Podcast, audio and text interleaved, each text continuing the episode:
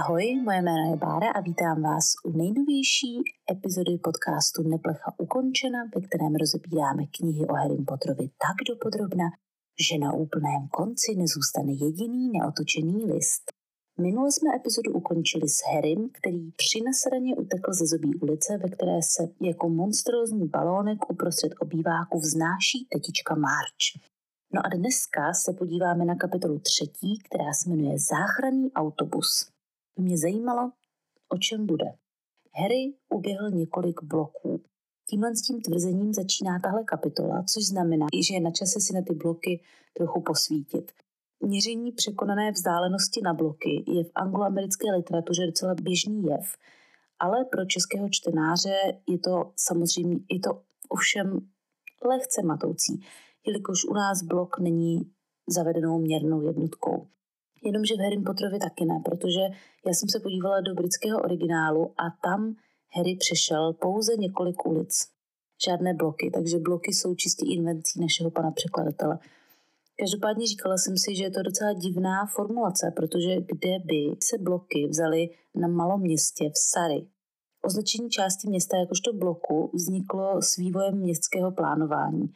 Já úplně nebudu zabíhat do historie vzniku měst, to už by byl trošku jiný podcast přece jenom, ale e, zjednodušeně řečeno, dříve města vznikala spojením několika nezávislých osídlení do jednoho většího celku. Většinou na nějakém pěkném místě, že u řeky, obchodní trasa a tak. Tím pádem valná většina starých měst, hlavně těch evropských, je poskládána z různých křivolakých, zdánlivě nesmyslných uliček, to je kvůli tomu, že to město vzniklo přirozeně. Tady se postavil barák, vznikla ulice, tam Jarda si nakonec té své ulice postavil stodolu, takže je z ní slepá ulice a tak. Modernější, zejména třeba americká města, ale samozřejmě tak nejen americká, i azijská, třeba Dubaj a tak dále. Města vznikala plánovaně a o dost logičtěji, protože v ten moment už si mohli rozmyslet, jak to udělat, aby nám malý prostor nadspali co nejvíc lidí, a ještě zbylo pár hektarů na nějaký park a Walmart. No a tak vznikly městské bloky. Blok je skupina domů obklopená ze všech stran silnicí a většinou je to nějaká samostatná jednotka, třeba i s nějakým nádvořím mezi těmi domy. V Evropě je třeba bloky pověstná Barcelona a v, ve Spojených státech amerických samozřejmě New York, ale vlastně i skoro každé větší město. No a velikost takového bloku se samozřejmě bude lišit podle velikosti budov. Nicméně v New Yorku má jeden blok 80 na 274 metrů a v Chicagu je to mnohem pravidelnějších 100 na 200 metrů. Ten systém z Chicaga je fajn v tom, že je to zaokrouhlené a těch 16 bloků, tedy těch kratších stran, nebo 8 bloků delších stran je jedna míle.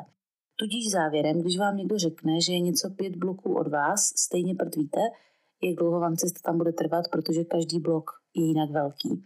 Nicméně teda většinou se používá ten standardizovaný šikákský systém 100x200 metrů jeden blok. Harry se každopádně táhnutím kufrů přes těch několik ulic vyčerpal a zhruba po deseti minutách ho místo vsteku chytil strach. Nedivím se, on totiž utekl z domova, kouzlil mezi mudly a koho zajímá, že to byla náhodná magie, kouzelnické právo nechá děti čarodějů v pohodě doma kouzlit, protože je nemá jak sledovat, ale děti z mudlovských rodin za použití náhodné magie klidně ze školy vykopnou. Navíc Harry nemá Hedviku, aby někomu napsal, to už se poučil z druhého dílu, že jo? Když, kdy nikomu Hedviku neposlal, když se nemohl dostat na nástupiště, tak teďka to nejde, protože ji nemá. Nemá žádné mudlovské peníze, což je trošku teda jeho chyba, protože on si klidně mohl nějaké u Gringotových v předchozích letech vybrat. A tohle teda není v knihách zmíněno, ale taky neví, kde se jeho škola, dům kamarádů nebo třeba příčná ulice nachází. OK, do příčné ulice by možná trefil, ale jinak je vlastně taky zvláštní, že Harry chodí někam do školy, má nějaké kamarády a vlastně neví, kde to je. Ale Naštěstí má Harry hůlku a stejně už je psanec, takže se rozhodl, že ji použije. Harryho plán je, že očaruje kufr tak, aby byl lehčí, přiváže si ho na koště, zakryje se tím pláštěm a odletí takhle do Londýna. Za mě to je dobrý plán, do příčné ulice by asi i trefil a Londýn nemůže být vzdušnou čarou od Kvikálkova daleko, protože autem tam jeli tři hodiny i s kolonama. Akorát pochybuju, že by ministerstvo neupozornilo Gringotovi, že by se tam náhodou mohl stavit nějaký psanec, ať si na to dávají majzla.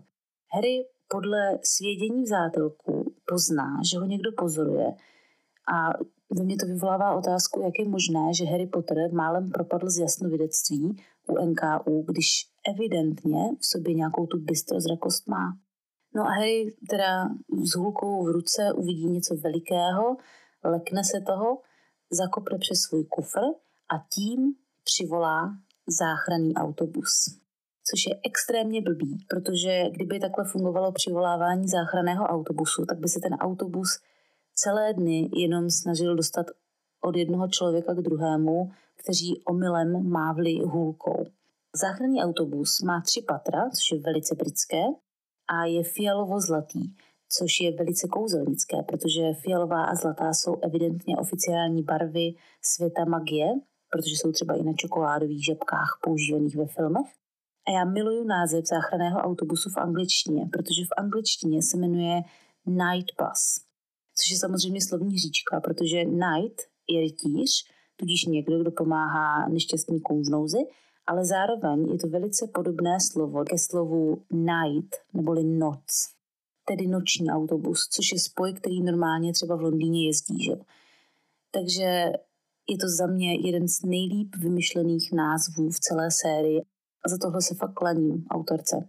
V češtině je navíc napsané, že to je uh, jednoduše trojposchodový autobus, ale v angličtině je ten popis, řekněme, víc na komoru, jak se říká mezi námi myslivci, místo double decker je to totiž triple decker.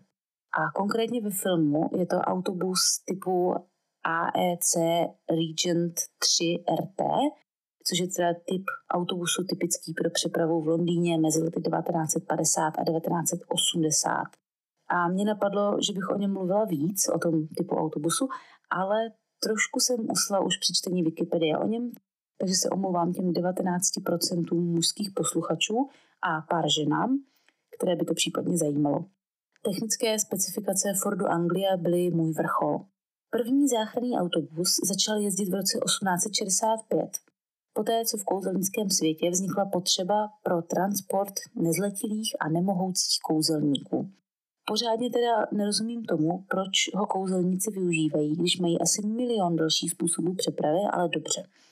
Každopádně tady je zajímavé, že teda se začal nějaký, nějaká forma záchranného autobusu používat už v roce 1865, ale ten bus, který jezdí ve filmech, je až z roku 1950.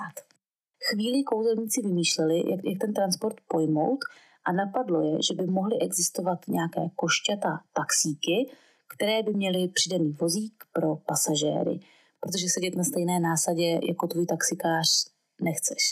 Případně padl návrh, že by mohli testrálové pod sebou mít nějaké koše, ve kterých by nesli ty pasažéry. No pak ale minister kouzel, který se jmenoval Dugald McPhill, navrhl použití záchranného autobusu. Načež samozřejmě milovníci hnutí Čistá krev prohlásili, že ničím takovým jezdit nebudou, což byl ale jejich boj a aspoň nezabírali místo ostatním čarodějům, kteří ho využívali rádi. V té době byl systém autobusové přepravy částečně zaveden v mudlovském Londýně, tudíž dává smysl, že se tam inspiroval Akorát první motorový autobus byl v Londýně teprve v roce 1903, předtím pouze koňmi tažené omnibusy. Takže je možné, že třeba ty první záchranné autobusy táhly právě ty testrálové, protože obyčejní koně by z toho měli asi trošku hlavu v pejru, kdyby před ním uskakovaly věci. A teprve potom začaly zavádět normální mechanické autobusy. Předpokládám, že autobus krom dětí hodně využívají i lidé jako je Hagrid a Filch, kteří se nemohou jen tak přemístit. Bude to tedy podobně zážitková jízda, jako třeba jízda brněnskými rozjezdy. Kdo to nezažil, neví. Z autobusu vyskakuje tedy stan silnička v zářivě červené uniformě, což se teda s fialovým busem vůbec nebije, a pozor, já jsem se podívala opět do originálu a tam má stan uniformu fialovou, tedy ve stejné barvě jako ten autobus, což za mě dává mnohem větší smysl a není to zdaleka taková módní katastrofa. Nechápu, proč v češtině došlo k přeložení na červenou barvu. Myslím si, že možná překladatele zmátlo, že britské double deckery jsou běžně červené a nedokázal se od toho vizuálu nějak oprostit a zapomněl, že ty kouzelnické jsou fialové, tudíž, že i ta uniforma by měla být fialová. No každopádně Stan vysvětluje, že pro přivolání záchranného autobusu teda stačí natáhnout ruku s hůlkou. A já jsem se dočetla, že ten pohyb má být zkrátka stejný, jako když člověk odmávne rukou autobus na zastávce na znamení. Akorát má v té ruce hůlku. Což je prostě hrozně divný, protože by, jak jsem říkala, se autobus častěji zjevil na místech, kde ho nechtějí a jen zvedají ruku s hůlkou, než tam, kde je opravdu potřeba. Možná by bylo lepší zavést nějaké komplikovanější heslo, jako třeba obkreslení domečku jedním tahem hůlkou nebo tak. Každopádně průvodčí se tedy jmenuje Stan Silnička a až teď mi začalo připadat vtipný, že křestním jménem se jmenuje Stan, jakože textilní útulek pro turisty a bezdomovce, chápete, Stan. No a silnička je úplně skvělý, je tam zachována aliterace, je to automoto téma a ještě se to k němu strašně hodí. V originále se teda jmenuje Stanley Shunpike a jak Stan, tak ten druhý, ten řidič, který se jmenuje Ernie, byli pojmenováni po dědečcích, po dědečcích J.K. Rowling, Stanleym a Ernestem, což je strašně hezký. Nechápu ale, pro, tak, nechápu ale, proč J.K. Rowling nezachovala celé jméno dědečka Stanleyho. To je ten francouz a jmenuje se příjmením Volant, tudíž Stan Silnička se mohl jmenovat Stanley Volant, což by bylo v češtině o dost vtipnější. Jako respektive já chápu, že ve Spojeném království volant nemá význam volant, ale bylo by to super, kdyby se tak náhodou jmenoval, aspoň v té české verzi. Příjmení Pike je složeno z anglického idiomu to shun a pike, neboli piking, což je teda záměrné vyhýbání se placeným úsekům silnice. Zkrátka, když třeba jedete z Prahy do Brna 6 hodin po okreskách, protože se vám nechce platit za dálniční známku. To je za mě taky hodně dobře zvolené jméno, protože záchranný autobus přesně takové alternativní trasy volí. Respektive pochybuju, že tam někdo platí mítné. No a na druhou stranu chudák Stan s takovým jménem asi těžko mohl dělat něco jiného. Ten byl vyloženě zrozen pro práci v automotoprůmyslu. A to v kouzelnickém světě úplně moc na výběr neměl, že jo? buď autobus nebo nic. Stan se teda narodil v září roku 1974 nebo 75, tudíž do Bradavic nastoupil v roce 1986 a pozor, skončil v roce 1993, tudíž v tomhle roce takže je mega divný, že Stan Harryho nepoznal. Přestože se v Bradavicích dva roky potkávali a Stan teprve teď ukončil školu před měsícem. OK, řekněme, že byl Stan v šestém ročníku, když Harry nastoupil. Pochybuju ale, že by si nevšiml naší nové celebrity a případně, že by se k němu nedoneslo, že je Harry z v dědic ve druhém díle a nebo to, že našel a porazil baziliška na konci. Toho stoprocentně dybala úplně celá škola, včetně sedmáků. Ale dobře, budeme to brát tak, že zkrátka tadyhle Stanley není úplně nejostřejší pastelka v penálu a prostě si toho nevšiml. Stanově teda 19 let a patrně pochází z Londýna, má totiž i v knihách velice výrazný kokny přízvuk. Nevíme, co se se Stanem stalo po válce, ale nevíme, co se se Stanem stalo. Mně to zní, jako by to byla narážka na to kempování v sedmém díle.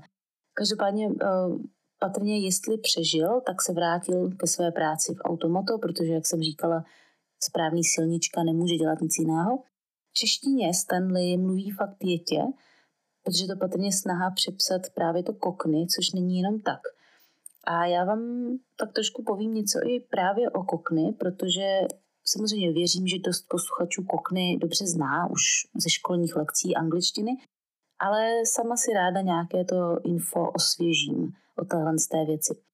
Je to teda londýnský přízvuk, který používá hlavně střední a nižší třída. Královna sice sedí v Buckinghamském paláci uprostřed Londýna, ale kokny úplně nepoužívá. Nejčastěji jej používají lidé z East Endu nebo z doslechu takzvaných bow bells – což je v podstatě ten stejný význam, protože ten kostel Bau St. Mary nebo tak nějak je právě v East Endu a podle té jako nějaké lokalizace ten, kdo slyší jeho zvony, je vlastně rozený člověk v oblasti kokny, nebo který používá nářečí kokny. První zaznamenané použití slova kokny pochází už z roku 1362 z nějaké legendy, kde to slovo znamená malé, nepravidelně tvarované vejce, jakože cox egg, neboli kohoutovo vejce, nebo vejce, které vyseděl kohout a neudělal to pořádně, jako správný chlap. Také v té době vznikla pověst o mytické zemi bohatství zvané Cocaine, Cocaine, Cocaine, Cocaine, fakt to zní jako cocaine, sorry, ale česky by to byl Kocourkov, kde lítají pečení holuby do pusy, všichni známe, že jo. No a tahle ta mytická země byla humorně asociována právě s Londýnem. A pak moderní užití slova kokny vzniklo mezi vesničany, kteří tak začali hanlivě označovat tak jako měšťáky z Londýna. V tomhle významu to slovo kokny znamená zhýčkánek, jakože ve městě se mají až příliš dobře a my chudáci na vesnici dřeme, chápem se. Základem kokny je typický přízvuk, někdy doprovázený tím notoricky známým rýmovaným slangem. V podstatě je takový hantec. Taky obsahuje prvky jidiše a romštiny a teda angličtiny, že jo? A dneska se slangové výrazy v kokny, stejně bohužel jako v Hantecu, přestávají používat, protože je Londýn mnohem multikulturnější město, ale obyvatelé si stále zachovávají ten svůj typický kokny přízvuk. Kokny bylo v podstatě jasným indikátorem toho, že jím mluvící osoba je z nižší společenské třídy. Na tom je samozřejmě založený třeba příběh Pygmalion nebo filmově My Fair Lady od George Bernarda Shaw že stačí změnit chudé holce přízvuk a době svět. Přízvukem kokny mluví, co se celebrit týče Adele, David Beckham, Michael Caine, Charlie Chaplin, ten už teda úplně nemluví, ale mluvil, nebo Amy Winehouse, která už teda taky nemluví, a Sid Vicious. No a součástí kokny je i ten takzvaný rýmovaný slang, který v podstatě zaměňuje slovo, které chce mluvící říct, za jiné, které se s tím původním slovem pouze rýmuje. Příkladem toho by bylo třeba věta you are lazy, nebo jsi líný, která by v kokny akcentu byla řečena you are Patrick Swayze, jsi Patrick Swayze, protože se rýmuje lazy a Swayze. V češtině by to fungovalo třeba tak, že se ve větě seš bez bod řekne seš Karel Gott, jestli si rozumíme. A všichni by věděli, co se tím myslí. To je docela bordel, že? Ale co jsem se koukala, tak Stan mluví spíš tím dialektem bezlímovaného slangu, protože to by patrně třeba američtí čtenáři nezvládli. A taky je zajímavé, že v Harry Potter filmech používá kokny většina smrtijedů, teda těch řadových, třeba Lucius a Bellatrix ne.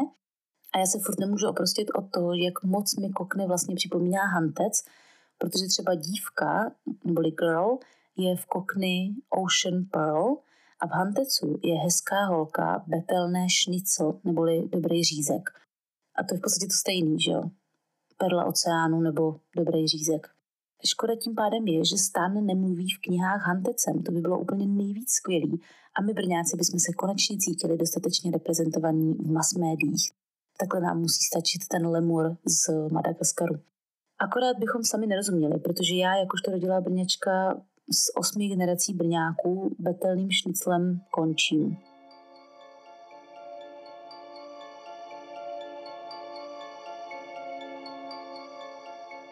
Stan viděl i Harryho jizvu a ještě se ho zeptal, co to je. A nepoznal, že to je jeho slavný spolužák. Harry tady ducha přítomně přijme identitu Nevilla Longbotoma, ducha přítomně proto, že Nevilla si opravdu nikdo nepamatuje, a stejně má Harry štěstí, že odmávl zrovna autobus, který ho odveze doslova kamkoliv. Cesta autobusem je patrně za jednotnou cenu, nezáleží na tom, kam ta daná osoba potřebuje jet. I v pátém díle stojí 11 srbců. To je pochopitelné, ten autobus asi moc benzínu neprojede, když se prakticky pořád přemysťuje. Jedna cesta tedy stojí celých 96 korun, nezáleží na vzdálenosti, přičemž Letax má, jak víme, zafixovanou cenu a stojí dva srdce za nabíračku, tudíž 17 korun. A hádám, že tu nabíračku Letaxu může využít několik lidí, tudíž je rozhodně levnější používat právě letaxovou síť, než jezdit autobusem. To, že to je rychlejší a člověk nemá strach o život a nemusí si povídat se stanem, už je jenom bonus. No ale zase nedostane kartáček na zuby, že? Protože za čokoládu je příplatek 3 srdce, tedy vidřidušských 26 korun, vidřidušských v roce 93, že? Ale za kartáček a ohřívací láhev navíc pak člověk zaplatí jenom jeden srpec, tedy 8 korun, což je zase prakticky zadarmo a vzbuzuje to ve mně trošku nechutnou představu, že ty ohřívací láhve, ale hlavně ty kartáčky, stan potom umě a dává dalším hostům, podobně jako třeba ve student agenci opakovaně dávají lidem sluchátka. Harry samozřejmě cenu neřeší, protože je šťastný jako blecha, jak si sehnal odvoz a navíc je boháč, že jo? Je večer, tudíž v autobuse nejsou sedadla, ale postele. Konkrétně na Harryho patře jejich šest a autobus má teda ty patra tři, takže řekněme, že na jeden zátah pobere autobus celých 18 lidí. To je skoro víc, než má celý kouzelnický svět ve Spojeném království dohromady, takže bych řekla, že to číslo docela sedí. Vzadu v autobuse si nějaký dědek mumlá, že zrovna připravuje marinované slimáky a v angličtině ty slimáky dokonce zavařuje, což je docela sadistický. A mě to opět háže dežaví na brněnské rozjezdy, protože tohle by se taky v rozjezdu klidně mohlo stát. Stan Harryho seznamuje s řidičem, který se jmenuje Ernie Bourák. Eh, Ernie sedí v klubovce, což mě až teď poprvé pobavilo, protože nikdy jsem si toho nevšimla, že řidič autobusu, který sedí v křesle na čtení, je vlastně taky docela bizár. V angličtině je Ernie Bourák, Ernie Brank a jak jsem zmiňovala, tak Ernest je po druhém dědečkovi J.K. Rowling, Ernestovi Arturovi Rowlingovi. Mimochodem, je to už druhý Ernie v knihách, o Ernie Macmillanovi už jsme mluvili. To české bourák je opět super překlad, protože řidič a průvodce se, se jmény bourák a silnička by si mohli založit vlastní společnost. V angličtině je to prank narážkou, protože prank je slang proto, když někdo sešrotuje auto při autonehodě. Což teda ale zase není úplně fajn jméno pro řidiče autobusu. Musel to mít těžký, když si uvědomil, že plánuje kariéru v automoto a ještě jako řidič a jmenoval se Bourák. Ernie byl podle všeho členem Nebelvíru, což docela sedí, protože řídit autobus bez znalosti předpisů asi nějakou odvahu chce. A autobus se teda pravděpodobně pohybuje na větší vzdálenosti pomocí přemístění, proto Harry slyšel prásknutí a tohle by tudíž bylo jeho první asistované přemístění v životě. Všichni se přemístili do Walesu a tam byl někde po ulici. Tohle mi vždycky vadilo nejvíc. Proč vůbec potřebovali pojízdní autobus, když se bez tak přemístují? Proč se nepřemístí rovnou na místo, kde člověk nastupuje nebo vystupuje? Jasně, některé domy nebo oblasti jsou chráněny proti přemístění, ale tam přece člověk tak jako tak musí dojít od autobusu pěšky. Třeba když jede trio do školy, tady tím záchranným autobusem v pátém díle po Vánocích, autobus se stejně vyhodí u brány na pozemky, protože dál už se stejně nedostane. Tudíž se tam mohl klidně jedno a jednoduše prostě přemístit. Proč nepoužívají místo autobusu něco jako třeba, řekněme, přemístěvací telefonní budku, která je větší uvnitř? Ano, narážka na TARDIS. Každopádně autobusem cestuje do Walesu nějaká Madame Maršová a já jsem o ní nic navíc nezjistila, ale busem jede po každé, když s ním cestuje i Harry, tudíž má asi nějaký důvod pro to, proč jej používá primární přepravě, i když je jí v něm blbě. Vystupuje v Abergavenny ve Walesu, což je teda městečko na hranici s Anglií. Není na něm pro nás absolutně nic zajímavého. Je to tak, jenom takzvaná brána do Walesu tedy. Hádám, že tam byla J.K. Rowlingová někdy na školním výletě a bylo to první velšské město, které jí při tom psaní napadlo. Stan si čte noviny a Harry v údivu zjišťuje, že na titulní straně je ten chlap z televize, co má být vrah. To je tedy náhoda jak svině. Stan je mimochodem tak trochu antimudla, všimli jste si? Diví se tomu, že byl Harry u mudlů na prázdninách a říká o nich, že jsou hloupí a nic nevidí a neslyší. Smrti, jak víme, skutečně nebyl, ale některé poznámky si tak trochu mohl nechat od cesty. Ale zase půjčí Harrymu svoje noviny, aniž by mu je naučtoval, na rozdíl teda od té ohřívací láhve, což je od něj zase docela pěkný a tak mu to odpustíme. V novinách je zhrnuto, že Sirius je vrah. Utekl z Askabanu a že Popletal informoval mudlovského předsedu vlády, což se nelíbí Mezinárodní federaci kouzelníků. Ta je později v češtině pojmenována Mezinárodní združení kouzelníků a v angličtině je to tzv. International Federation of Warlocks. Je to teda organizace na podobné úrovni jako v mudlovském světě OSN. Tím pádem je husté, že jí několik let předsedal právě Albus Brumbal v pozici nejhlavnějšího hlavouna. V téhle té knize je to ještě federace, později se ale objevuje pod názvem konfederace, tudíž právě v češtině združení. Hlava té mezinárodní federace se teda nazývá nejhlavnější hlavoun, což je fakt nejlepší název pro vůdce čehokoliv, co znám. A v angličtině se tahle osoba jmenuje Supreme Magvamp, což je možná ještě lepší název. Supreme znamená nejhlavnější a slovo Magvamp vyjadřuje skupinku politiků z Ameriky, kteří se v 19. století výrazně stavili proti korupci.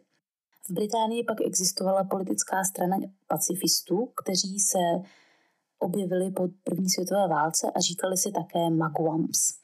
Pak taky ve staré angličtině tenhle termín označuje osobu, která je vedoucím nějaké debaty a stojí nad ní jako nezúčastněný člen. No a všechny tyhle významy asi sedí a vzájemně se doplňují, tudíž je asi jasné, jak ten název vznikl. O kouzelnickém systému bude samostatná epizoda, takže tam to probereme trošku víc. Každopádně v tom novinovém článku je zmíněno, že Black zabil jediným zaklínedlem 13 lidí. Mě by hrozně zajímalo, co je to za zaklínedlo a proč ho nepoužívají smrtědi. Když zvládl červíček, nemůže to být zase tak náročné. Zajímavé je, že podle Harryho popisu má Sirius zapadlé oči, vyzáblý obličej a vypadá jako upír. To nezní úplně jako sexy krasaveček střední školy, tak jak nám je popisován později. Stan vysvětluje, že byl Sirius zastánce ty koho, protože slovo smrtijet v tomhle díle ještě neznáme. Mají Stan s Erním pomalou mozkovou příhodu, když Harry řekne nahlas slovo Voldemort. Vtipné je, že Stan to popisuje, jako by u toho byl. Přitom jemu bylo zhruba 6 let, když teda údajně Sirius vyhodil těch 13 lidí do, do povětří. No on říká, že Syria obklíčili v ulici a on tam celé vyhodil do vzduchu. U toho to schytal jeden kouzelník, my víme, že by to měl být teda Petr, a 12 mudlů, kteří šli náhodou kolem. Opět mám k tomu pár eh, poznámek. Za prvé, toho obklíčili někde na Oxford Street nebo prostě na nějaké nej, nejrušnější ulici v Londýně, protože kde jde náhodou kolem 12 mudlů, kteří si nevšimnou, že tam probíhá nějaký zátah. A za druhé, jak to Petr udělal, že fejkově vyhodil do vzduchu sebe, OK, to se asi zmínil v krysu, 12 mudlů, ale žádný kouzelník, včetně Syria, nebyl zraněn. To je technicky velice náročná věc a Petr je guma. Stan říká takovou zajímavou věc. On říká, že to byla fuška, než to všechno zatušovali. A mě tady zarazilo slovo zatušovali, protože chápu, že to má znamenat zamaskovali, ale to slovo, přísahám Bohu, jsem v životě neslyšela. Což je divný, když jsem ty knížky četla asi stokrát. No podle slovníku spisovného jazyka českého to znamená to stejné jako zastřít, zakrýt, ututlat. Zajímavě, ale to slovo nemá stejný kořen slova jako slovo zaretušovat. Zaretušovat vzniklo z francouzského toucher, neboli zlehka se dotýkat. V angličtině to touch a pak retouch.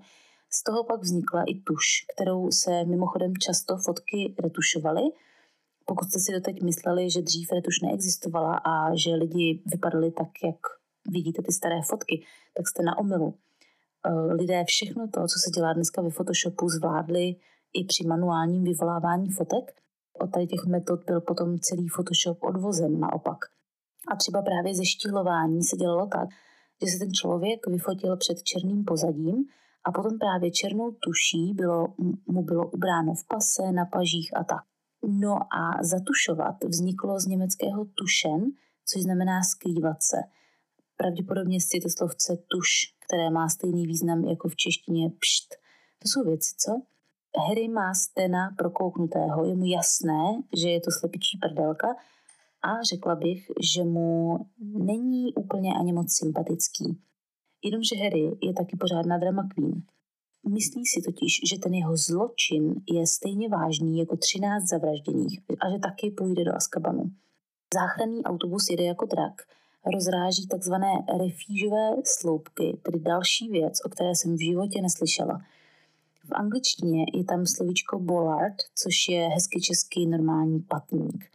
Refížový sloupek je ale OK, protože podle všeho se jedná právě o patník a samostatná refíž z francouzského refuge neboli útočiště je pak nástupním ostrůvkem. Z pravidla určeným na nástup do šaliny nebo trolejbusu. Tahle kapitola mi úplně rozšiřuje obzory. Autobus skáče přes Anglesey ve Walesu do Aberdeenu ve Skotsku, zdánlivě bez nějakého systému, zdá se ale, že to berou po pořadě podle toho, jak lidé nastupují. Všichni, co vystupují, jsou bledí a nešťastní z jízdy, tak proč za takový nesmyslný prachy, tak proč za takový nesmyslný způsob dopravy platí takovou dardu? Harry chce jet na příčnou ulici a bus se přemístí tedy na Charing Cross Road, že zbytek dojede po kolech. Opět, proč se nepřemístili k rovnou k děravému kotli? Před kotlem na Harryho čeká sám ministr kouzel Cornelius Popletal. Stan má z celé té situace pomalu předporodní kontrakce. Popletal vypadá prochladle a vyčerpaně, protože na Harryho asi čekal. Otázky jsou, jak dlouho na Harryho čekal, proč na něj čekal venku, když je mu zima a proč se neohřál za klínedlem. Mě ty otázky jednou zničí. Hostinský Tom v salonku lusknutím prstů zapálí oheň, tudíž když zvládne oheň zapálit hostinský, je možné předpokládat, že by se zvládl nějak ohřát kouzlem i samotný ministr kouzel. Popletal se Harry mu představuje, protože neví, že Harry už ho jednou šmíroval v Uhagrida v hájence. A mimochodem Tom je v noční košili, protože jsou odhadem tak čtyři ráno. A ministr strávil celou svoji noc hledáním 13-letého děcka. To je hodně dobrý tah na branku. Hostinský přinesl čaj a placky s máslem, v originále takzvané crumpets, což jsou takové placaté mafiny nebo lívanečky, v podstatě to stejné, do čeho dávají v McDonaldu vajíčko a slaninu na snídaních. Popletal se chová jako Milius, říká, že tetičku opravili už před několika hodinami, tudíž Harry zaplatil stovku za cestu kouzelnickým autobusem, která trvala skoro celou noc. Přitom jel jenom do Londýna, kam by na koštěti doletěl za 45 minut a zadarmo. A ti kouzelníci, kteří teda tetu vyfoukli, tak byli z odboru pro nápravu nevydařených kouzel, což je teda uh, v angličtině Accidental Magic Reversal Squad, tudíž spíš jednotka pro nápravu náhodných kouzel než nepovedených. Tady ta jednotka spadá pod oddělení magických incidentů a katastrof a součástí toho odboru budou nejspíš i nějací vymazávači paměti.